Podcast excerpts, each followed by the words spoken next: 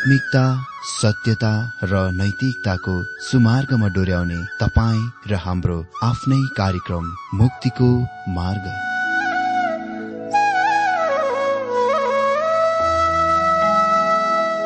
आदरणीय श्रोता यस मुक्तिको मार्ग कार्यक्रममा हार्दिक स्वागत छ आशा छ यस आत्मिक कार्यक्रमद्वारा जीवनमा आत्मिक आशिष अलौकिक शान्ति र आनन्द प्राप्त गर्नुहुनेछ। र जीवनमा धन्य अनुभव गर्नुहुनेछ। आउनुहोस् श्रोता मन र आत्माको तयारीको लागि यो मिठो अनि मधुर भजन गीत सुनौ। बस्दा बस्दा खोला पारी रोजे जस्तो बादलले ढाकेको बेला ताराहरू खोजे जस्तो नयाँ जीवन पाएर पनि मेरो कदम कदममा नयाँ आशिष नयाँ अनुभव चाहन्छु म। नयाँ आशिष नयाँ अनुभव चाहन्छु म। खोलावारी बस्दा बस्दा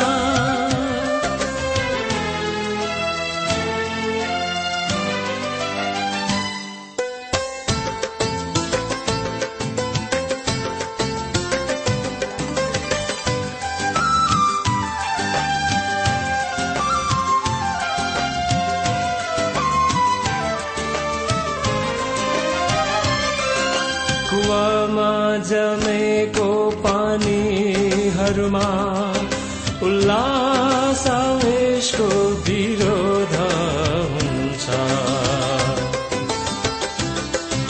पुरानै आशिषहरूमा बाँच्दा जीवन शक्तिहीन उजाड बन्छ। तपाईँको शान्ति आनन्द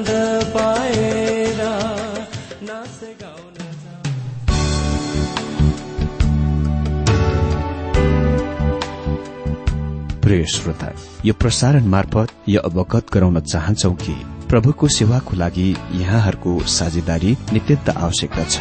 यहाँहरूले प्रार्थनाको साथसाथै आर्थिक सहायता गर्न अनुरोध गर्दछौ। तपाईँहरूको सानो भन्दा सानो भेटी किन नहोस्? हामी प्रभुको नाममा स्वीकार गर्नेछौ प्रभुको सेवाको लागि। तपाईँहरूको यो सानो लगानीले कसैको जीवनमा भिन्नता ल्याउँछ अनि प्रभुको महिमा हुन्छ? प्रभु तपाईँहरूलाई महान गरी आशिष दिनुहुनेछ। इच्छुक श्रोताहरूले तपाईँको इच्छा भेटी हाम्रो ठेगानामा पठाउन सक्नुहुन्छ जुन ठेगाना हामी कार्यक्रमको अन्तमा दिनेछौ। प्रिय श्रोता मित्र प्रभु येशु ख्रिष्टको मधुर अनि सामर्थ्यनामा मेरो जयमसी अनि हार्दिक स्वागत छ आजको बाइबल अध्ययन कार्यक्रममा। श्रोता अघिल्लो दिनमा हामीले यस विषयबाट बाइबल अध्ययन गरिरहेका थियौं विवाह विच्छेद र पुनः विवाहका पापहरू। आज पनि उही विषयबाट मलाकी दुई अध्यय सोह्र पदबाट अध्ययन गर्नेछौ। सर्वप्रथममा अघिल्लो दिनमा हेरिसकेको बाइबल खण्डलाई म एकपल्ट पढिदिन्छु। मलाकी दुई अध्यय एघारदेखि पन्ध्र पदमा। यहुदाले विश्वास भंग गरेको छ। इसरायल र यरुसलेममा घिनलाग्दो गरिएको छ। यहुदाले पराई देवताकी छोरीलाई विवाह गरेर परमप्रभुलाई मन पर्ने पवित्र स्थानलाई बिटुलो पारेको छ। यसो गर्ने जोसुकै मानिस भए तापनि त्यसले सर्वशक्तिमान परमप्रभुमा भेटी ल्याए तापनि परमप्रभुले त्यसलाई याकुबका पालहरूबाट बहिष्कृत गरिदिउन्। फेरि तिमीहरू अर्को कुरा गर्दछौ। तिमीहरू परमप्रभुको वेदीलाई आँसुले भिजाउँदछौ तिमीहरू रुँदछौ र विलाप गर्दछौ किनभने उहाँले तिमीहरूका हातको भेटीलाई कहिले ध्यान दिनुहुन्न न त त्यो उहाँलाई ग्रहणयोग्य हुन्छ। तिमीहरू सोध्छौ किन? किनभने परमप्रभु तिमीहरूका र तिमीहरूको जवानीपनकी स्वास्नीको बीचमा साक्षीको काम गर्दै हुनुहुन्छ। किनकि तिमीहरूले त्यससँगको विश्वास भंग गर्यौ यद्यपि तिनी तिम्रो जीवनसाथी र वैवाहिक करारमा बाँधेकी स्वास्नी हो।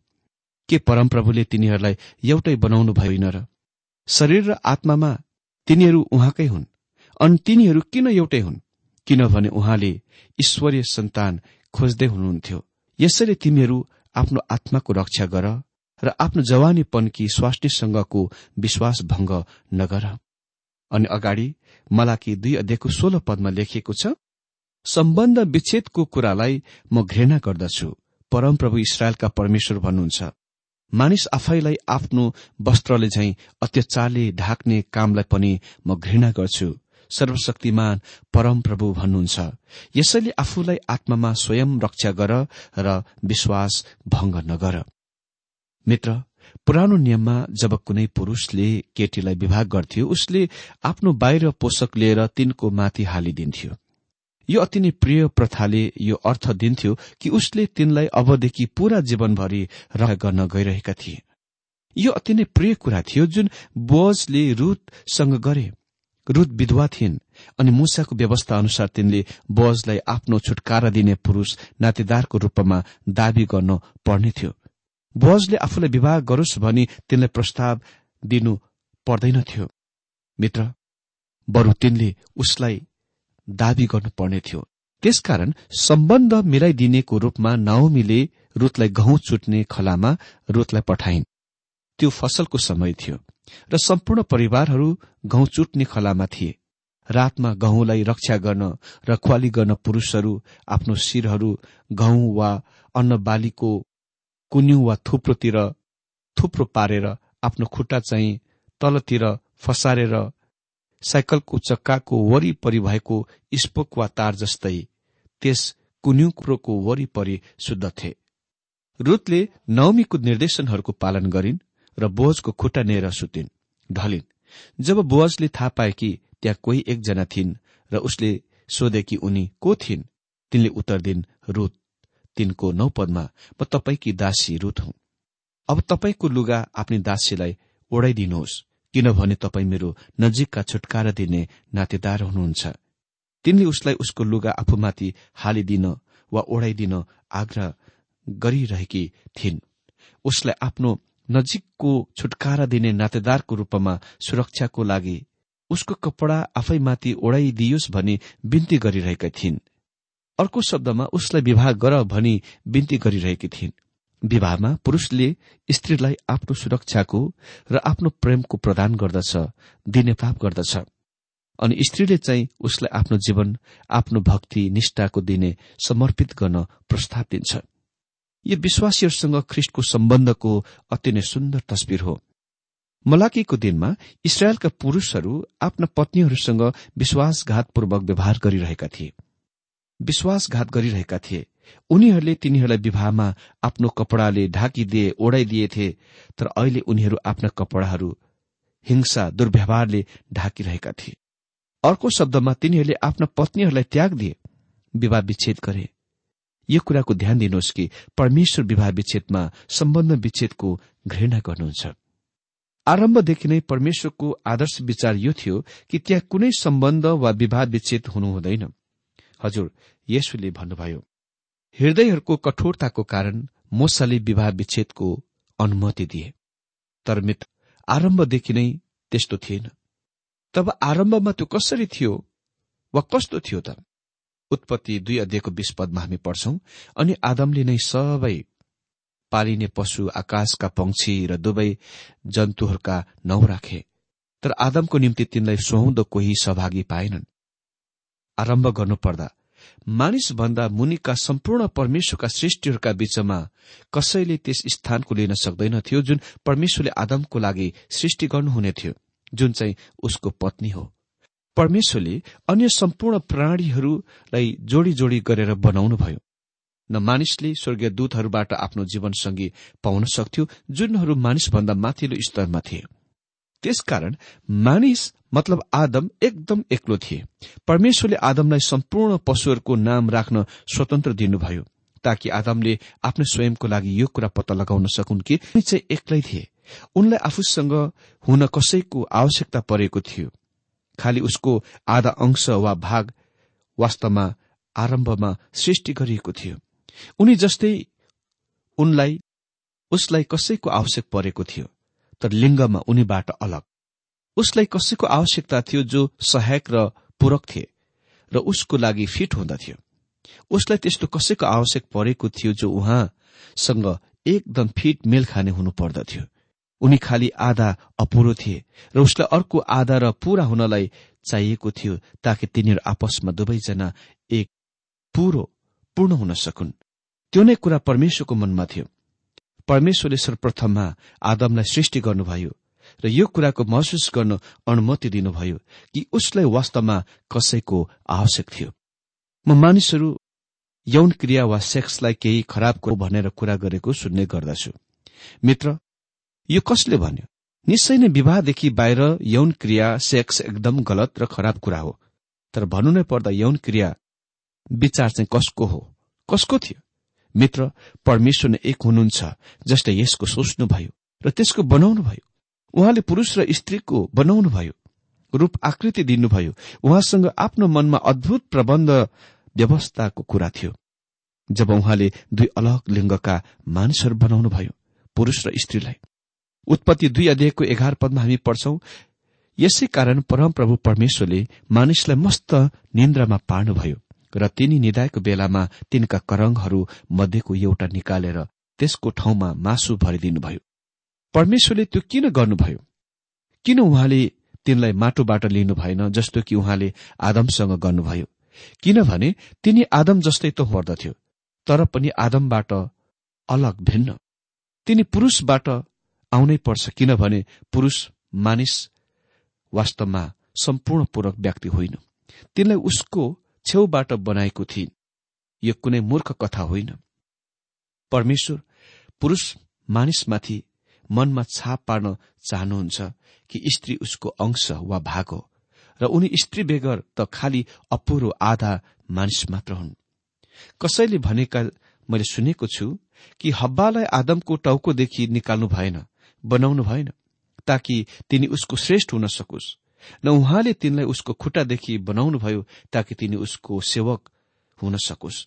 तर उसले हब्बालाई आदमको बीच भागबाट उसको समानता हुन र उसको संगी हुन बनाउनुभयो।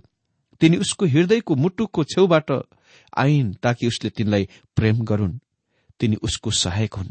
एक साथमा तिनीहरू एक बन्दछन् एक जोड एक बराबर एक। यो परमेश्वरको अङ्क गणित हो अनि त्यो बिल्कुल सही हो। मित्र परमेश्वरले स्त्रीहरूलाई उच्च स्तरमा राख्नु भएको छ। यो हामीलाई पहिले नै स्पष्ट भइसकेको छ कि मलाकीको दिनमा मानिसहरूले त्यस दृश्य गुमाए। त्यस विचार दृष्टिलाई गुमाए। त्यही नै कारण परमेश्वरले तिनीहरूलाई याद दिलाइरहनु भएको छ जब तिनीहरू आफ्नो जवानीको पत्नीको विरूद्धमा पाप गर्दछौ तिमीहरू मेरो विरूद्धमा पाप गरिरहेका छौ। परमेश्वरले स्त्रीहरूको स्थानलाई सुरक्षा गर्नुहुन्छ बचाउ गर्नुहुन्छ। अनि उत्पत्ति दुई अध्ययको बाइस पदमा हामी पढ्छौं। जुन करङ परमप्रभुले आदमबाट निकाल्नु भएको थियो त्यसबाट एउटी स्त्री बनाएर त्यस मानिस कहाँ पठाउनुभयो तिनी निश्चय नै सुन्दर प्राणी हुनुपर्छ।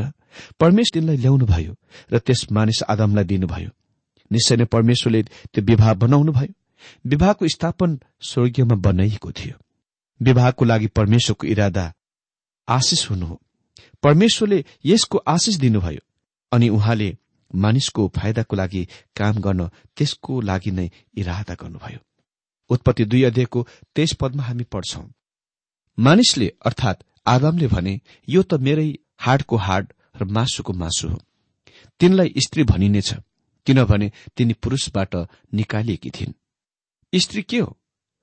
आदम हिब्रू शब्दमा इस हो र स्त्री चाहिँ इसा हो। तिनी पुरूषको अर्को छेउ वा भाग हुन्। हामी तिनीहरूलाई पुरूष र स्त्री भन्दछौ। यो त मेरो हाडको हाड र मासुको मासु हो। तिनलाई स्त्री भनिएका किनभने तिनलाई पुरूषबाट निकालिएकी थिइन्। उत्पत्ति दुई अध्यायको चौबिस पदमा हामी पढ्छौं यसै कारण मानिसले आफ्नो आमा बाबुलाई छोड्छ र आफ्नो स्वास्नीसँग मिलिरहन्छ र तिनीहरू एउटै शरीर हुन्छन्। यसले सासु र ससुराहरूलाई बहिष्कृत गर्दछ। यसले तिनीहरूलाई परिवारबाट हटाउँदछ। धेरै मानिसहरूले विवाहको बारेमा सही निर्देशनहरू पाएका छैनन्। विवाहले नयाँ सृष्टिको नयाँ परिवारको स्थापित गर्छ। जवान दम्पतिले तिनीहरूलाई छोड्छन् अनि तिनीहरू पति र पत्नी एउटै शरीर हुन्छन्। अनि उत्पत्ति दुई अध्ययको पच्चिस पदमा हामी पढ्छौं मानिस र तिनकी स्वास्नी दुवै नाङ्गा थिए र लजाउँदैनथे यो चाहिँ संसारमा पाप प्रवेश गर्नभन्दा अघि वा पहिलेको कुरो। त्यस समयमा एकले अर्कोलाई कामुक र तीव्र काम बाँच्नको नजरले हेर्दैनथे किनभने तिनी त्यसबेला निर्दोष अबोध थिए। तिनीहरू एक आपसलाई प्रेम र कोमलतासँग हेर्दथे त्यहाँ परस्पर आदर सम्मान थियो। प्रत्येकले भन्न सक्थे तिमी नै मेरो लागि हौ। तिमी मेरै हौ। हब्बाको सृष्टिले आदमलाई पूर्ण मानिस सम्पूर्ण मानिस बनायो। आदमको उपस्थितिले हब्बालाई स्त्री सम्पूर्ण स्त्री बनायो। त्यसपछि पाप संसारमा प्रवेश गर्यो। यसले हरेकलाई अरू त के विवाहमा सम्बन्धलाई समेत बिगार्यो लथालुङ्ग गर्यो। जब हामी मोसाको व्यवस्थाको समयमा प्रवेश गर्छौं हामी पत्ता लगाउँछौ कि मोसाले विवाह विच्छेदको अनुमति दिए।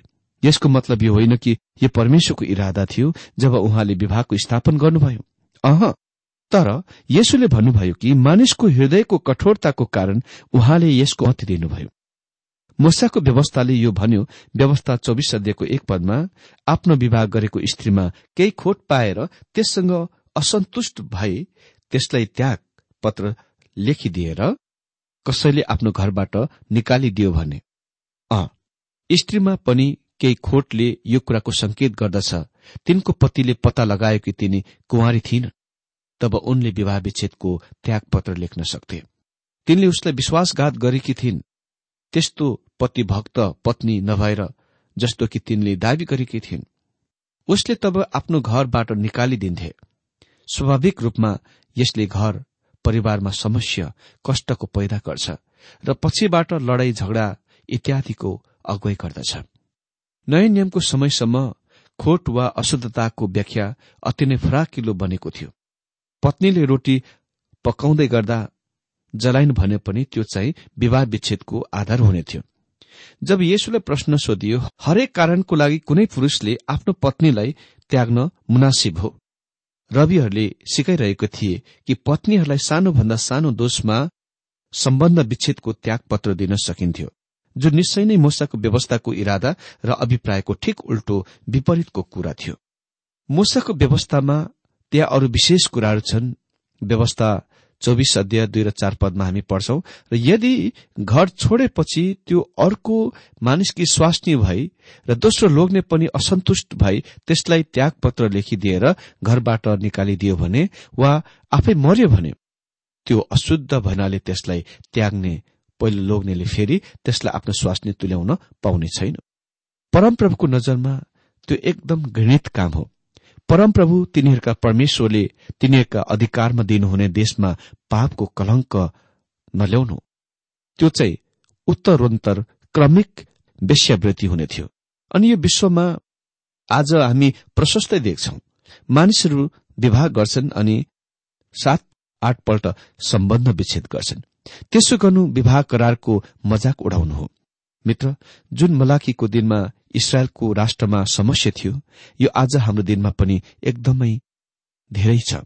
त्यो विवाह विच्छेद विषयमा विवादस्पद विषय हो। तैपनि हामी यसको बारेमा केही समय बिताउनेछौ। प्रभु येशुले विवाह विच्छेदको विषयमा अति नै स्पष्ट गरी दुई कुराहरू बनाउनुभयो पहिलो मानिसहरूको हृदयको कठोरताको कारण मोसाले सम्बन्ध विच्छेदको अनुमति दिए। अनि दोस्रो अनि त्याग पत्रको आधार चाहिँ व्याविचार हो जुन चाहिँ पतिबाट होस् या पत्नीबाट होस्। यदि तिनीहरूमा त्यस्तो कुनै बेइमानी अविश्वास योग्यको कुरा भेटाइए त्यो त्याग पत्रको आधार हुनेछ। मती उन्नाइस सदेको तीनदेखि पाँचमा हामी पढ्छौं फरिसीहरू उहाँका आएर भने उहाँलाई जाँच गर्न भनी उहाँलाई सोधे। के कसैले कुनै कारण स्वास्नीसँग विवाह विच्छेद गर्न उचित छ? तर उहाँले भन्नुभयो के तिमीहरूले पढेका छैनौ? कि सृष्टिकर्ताले तिनीहरूलाई शुरूमा नै नर र नारी बनाउनुभयो र भन्नुभयो यसै कारण मानिसले आफ्नो बाबु र आमालाई छोडेर आफ्नो स्वास्नीसँग मिलिरहन्छ र ती दुईजना एउटै शरीर हुनेछ। हजुर मैले पहिले नै उल्लेख गरिसकेको छु कि यसु पछाडि आरम्भतिर सृष्टिको समयतिर जानुहुन्छ जब परमप्रभुले परमेश्वरले विवाहको स्थापन गर्नुभएको थियो। मती उन्नाइस सय छदेखि आठ पदमा हामी पढ्छौं ती अब दुई होइनन् तर एउटै शरीर हुन्छन्। यसै कारण परमेश्वरले जसलाई एकसाथ जोड्नु भएको छ त्यसलाई कुनै मानिसले नछुटाओस्। तिनीहरूले उहाँलाई भने मोसाले किन विवाह विच्छेदको त्याग पत्र दिएर पत्नीलाई त्याग्ने आज्ञा दिए? उहाँले तिनीहरूलाई भन्नुभयो तिमीहरूका हृदयका कठोरताको कारणले गर्दा नै मोसाले पत्नी त्याग गर्ने अनुमति तिमीहरूलाई दिएका हुन्। तर सुरुदेखि नै चाहिँ यस्तो थिएन। त्यसपछि उहाँले एक अर्को कारणको दिनुहुन्छ जुनको लागि विवाह विच्छेद अनुमति दिएको छ। मती उन्नाइस सध्यको नौ पदमा भनिएको छ म तिनीहरूलाई भन्दछु जसले व्यविचारको कारण बाहेक आफ्नै स्वास्नीलाई त्यागेर अर्कोसँग विवाह गर्छ त्यसले व्यविचार गर्छ। अनि जसले त्यागिकोलाई विवाह गर्छ त्यसले पनि व्यविचार गर्छ। यो चाखलाग्दो कुरा छ कि कसरी चेलाहरूले त्यस कथनको बारेमा तुरुन्तै यो प्रश्नसँग आए? मती उन्नाइस सदेखको दश पदमा हामी पढ्छौं चेलाहरूले उहाँलाई भने लोग्ने स्वास्नीको यस्तै सम्बन्धमा हो भने त विवाह नगर्नु नै असल हुनेछ। अर्को शब्दमा यदि यो त्यति सक्त किसिमको कुरा भए यदि त्यहाँ खालि विवाह विच्छेदको लागि एउटै मात्र कारण वा आधार भए तब विवाह नगर्दा नै उक्तम हुनेछ। त्यसपछि हाम्रा प्रभुले हामीसँग भएको स्वतन्त्रताको वर्णन गर्नुभयो। मती उन्नाइस सदेखको एघार र बाह्र पदमा येशुले तिनीहरूलाई जवाब दिनुभयो सबै मानिसहरूले यो वचन ग्रहण गर्न सक्दैनन्। केवल तिनीहरूले मात्र सक्छन् जसलाई दिइएको छ। किनकि कोही जन्मन्दै नपुसक हुन्छन् कतिजना मानिसले बनाएका नपुसक हुन्छन् कतिले चाहिँ आफैले आफैलाई स्वर्गीय राज्यको निम्ति नपुसक बनाउँछन्। जसले यो ग्रहण गर्न सक्छ त्यसले त्यो ग्रहण गरोस्। मित्र हरेकले विवाह गर्नै पर्छ भन्ने कुनै जरुर कुरा छैन। त्यहाँ कोही कोही पुरूष र स्त्री छन् जसलाई विवाह गर्न आवश्यक छैन। एक्लो रहन कति पनि पाप होइन। कोही मानिसहरूले कति पनि विवाह गर्न आवश्यक छैन किनभने तिनीहरू जन्मदेखि नै नपुसक हुन्। अरूहरू चाहिँ मानिसहरूद्वारा नबनाइएका छन् जस्तो कि नभुकनेश्वरको महलमा दानियललाई नपुसक बनाइएको थियो। अनि त्यो चाहिँ तिनीहरूलाई खास उद्देश्यको लागि जबरजस्ती नपुसक बनाइएको थियो। ताकि तिनीहरूलाई वंशमा राख्न सकियोस् र यसले तिनीहरूलाई आफ्नो ध्यानमा धेरै समय दिन योग्य बनाउँदथ्यो। अनि त्यहाँ परमेश्वरको स्वर्गीयको राज्यको लागि नपुसकहरू छन्। त्यहाँ कोही कोही छन् जसले आफैलाई ख्रिस्टको सेवाको लागि नपुसक बनाएका छन्। यो अद्भुत कुरा हो। यदि कुनै पुरूष र स्त्रीले त्यो गर्न सक्छ भने म धेरै प्रचारकहरूलाई पास्टरहरूलाई जान्दछु जसले कहिले पनि विवाह गरेका छैनन्। अनि मैले पनि पहिले यसको बारेमा धेरैपल्ट सोचेको थिएँ। मैले सोचेको थिएँ कि जीवनभर अविभावित बस्नेछु तर मैले चाँडै नै महसुस गरे कि यो मेरो निम्ति थिएन। यो नै एक त्यो क्षेत्र हो परमेश्वरले हामीलाई ठूलो स्वतन्त्रता दिनुभएको छ। तर महत्वपूर्ण कुरा यो छ कि ख्रिस्टले भन्नुभयो यदि विवाह गर्न नै चुन्दछौ भने यो पूरा जीवनभरिको वचनबद्धता प्रतिबद्धताको कुरा होस्। विवाह विच्छेदको लागि एउटै आधार चाहिँ तपाईँको जीवनसंगीद्वारा व्याविचार हो। प्राचीन पहिलो शताब्दीको मण्डलीमा व्याविचारको यो मामला कोरन्थीको मण्डलीमा खड़ा भएको थियो। त्यस मण्डलीमा विभिन्न धार्मिक पृष्ठभूमिबाट आएकाहरू थिए अनि त्यहाँ त्यस्ता दम्पति थिए जसले अन्य जाति दुवै विवाह गरेथे अनि त्यहाँ दम्पतिमा एकजना ख्रिस्टियन विश्वासी बने। अनि तिनीहरूमध्ये एकजना विश्वासी बनेपछि तिनीहरूका सम्बन्ध कस्तो हुनुपर्छ? पाओले आफैलाई यस परिस्थितिमा सम्बोधित गर्छन्। पहिलो कोरन्थी सात अध्यय दश र एघार पदमा अनि विवाह गरेकाहरूलाई म आज्ञा दिन्छु। मैले होइन तर प्रभुले हुन्छ। पत्नी आफ्ना पतिबाट नछुटियोस् तर ऊ छुटिएर बसिरहे भने पनि विवाह नगरी बसोस् वा आफ्ना पतिसँग मेल गरोस्। अनि पत्नीले पनि आफ्नो पतिलाई नत्यागोस्। यदि कुनै दम्पतिले तिनीहरू अन्य जातिहरू छँदै विभाग गरेका भए अहिले एकजना प्रभुमा विश्वासमा आए भने यस परिस्थितिमा ख्रिस्टियन विश्वासी विवाह सम्बन्धबाट अलग अलग हटिजान हुँदैन। यदि कुनै कारणवश विश्वास छुट्टी जान्छ भने उनी विवाह नगरी बस्नुपर्छ। नत्र फेरि आपसमा सम्झौता र मिलाप गरेर सँगै बस्नुपर्छ। फेरि पहिलो कुरन्ती सात दिएको बाह्र र कि पन्ध्र पदमा हामी पढ्छौं तर बाँकी रहेकाहरू प्रभु होइन। म भन्दछु यदि कुनै भाइकी अविश्वासी पत्नी छ र त्यो उसित बस्न रहन राजी हुन्छ भने उसले त्यसलाई नत्यागोस्। अनि कुनै स्त्रीको अविश्वासी पति छ र त्यो उसित रहन राजी छ भने उसले त्यसलाई नछोडोस्। किनकि विश्वास नगर्ने पति पत्नीद्वारा पवित्र हुन्छ। र विश्वास नगर्ने पत्नी पतिद्वारा पवित्र हुन्छ। नत्र भने तिमीहरूका छोराछोरीहरू अशुद्ध हुन्थे तर अब उनीहरू पवित्र छन्। तर विश्वास नगर्ने छुट्टिन्छ भने छुटियोस्। यस्ता अवस्थामा भाइ वा बहिनी बन्धनमा छैन। तर परमेश्वरले हामीलाई मेलमिलापका निम्ति बोलाउनु भएको छ। यद्यपि यसुले भन्नुभयो व्यविचारमा विवाह विच्छेदको एक आदर थियो अन्य जाति जोडा चाहिँ विवाह बन्धनबाट हट्न चाहन्छ। भने त्यस मामलामा पाउल भन्छन् अविश्वासी छुटियोस्। अनि जब यसरी म विश्वास गर्छु विश्वासी पति होस् या पत्नी पुनः विवाह गर्न स्वतन्त्र हुन्छन्। जब पाउले भने यस्ता अवस्थामा भाइ वा बहिनी बन्धनमा छैनन्। बन्धन के हो? यो विवाहको करारको बन्धन हो। अनि जब पाउले भन्छन् तर परमेश्वरले हामीलाई मेल मिलापका निम्ति बोलाउनु भएको छ। म विश्वास गर्छु उसले भनिरहेका छन् परमेश्वरले कुनै पुरूष वा स्त्री घर परिवारमा नर्कीय दशामा रहन भन्नुहुन्न।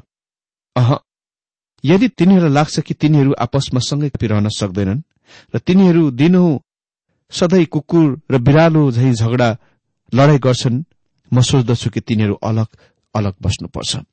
मैले धेरै यस्ता मामलामा मसिहा विश्वासी दम्पतिहरूलाई अलग हुन सल्लाह दिएको छु। तर पुनः अर्को विवाह गर्ने बारेमा चाहिँ होइन। तिनीहरूका समस्या सम्बन्ध विच्छेद होइन तर विवाह सर्वप्रथममा भन्नु नै पर्दा तिनीहरूले विवाह नगर्दा नै उक्तम हुने थियो। परमेश्वरले हामीलाई मेलमिलापको निम्ति बोलाउनु भएको छ। त्यसकारण घर बक्सिङ रिङ हुनु हुँदैन। यो कराटेको खेल्ने स्थान होइन। यो प्रेमको स्थान हो। प्रेमको घर। मानिसको लागि परमेश्वरको आदर्श हो। आरम्भदेखि नै परमेश्वरले विवाह विच्छेद होस् भन्ने इरादा गर्नुभएको थिएन। तर मानिसको पापको कारण उहाँले त्यो गर्न अनुमति दिनुभयो। तपाईँ सोध्नुहोला विवाह विच्छेद पाप हो। निश्चय नै यो पाप हो जस्तै हत्या तर हत्यारा उद्धार पाउन सक्छ। अरू त के येशुसँग क्रुसमा मरिरहेको एकजना डाकुले उद्धार पाएथ्यो जब येशु क्रुसमा मर्नुभयो उहाँ सबै पापहरूको लागि मर्नुभयो। क्रुसमा टाँगिएको चोर दुवै चोर हत्यारा थियो अनि प्रभु येशुमा र उहाँले भाउनु भएको रगतमा उसको विश्वासले उसलाई उद्धार गर्यो। चोर उद्धार पाउन सक्छ। विवाह विच्छेद भएको व्यक्ति उद्धार पाउन सक्छ। त्यसकारण हामी विवाह विच्छेदलाई खास विशेष पापको श्रेणीमा नराखौं। यदि उद्धार नपाएको व्यक्ति चोर हुन् र आफ्नो पापको प्रस्ताव गर्छ र यसरी ख्रिस्टमा आउने कामद्वारा उद्धार पाउँछ। उसलाई उसको चोरीको लागि क्षमा दिन्छ। हामी त्यस्तो मानिसले विवाह गर्न अनुमति दिन्छौ। अनि हामी ख्रिस्टमा विश्वास आउने हत्याराको निम्ति पनि उही कुरा गर्दछौ। त्यसकारण विवाह विच्छेदको सम्बन्धमा यो एकदम निष्पक्ष हो। त्यहाँ कोही कोही छन् तिनीहरू उद्धार पाउन भन्दा पहिले विवाह विच्छेद भएका छन्। जब तिनीहरू प्रभु येशु कहाँ आउँछन् तिनीहरू त्यस पापको लागि क्षमा दिन्छ। म विचार गर्छु त्यस्तो व्यक्ति विवाह गर्नलाई स्वतन्त्र हुन्छ अनि म सोच्दछु यो शास्त्रीय हो।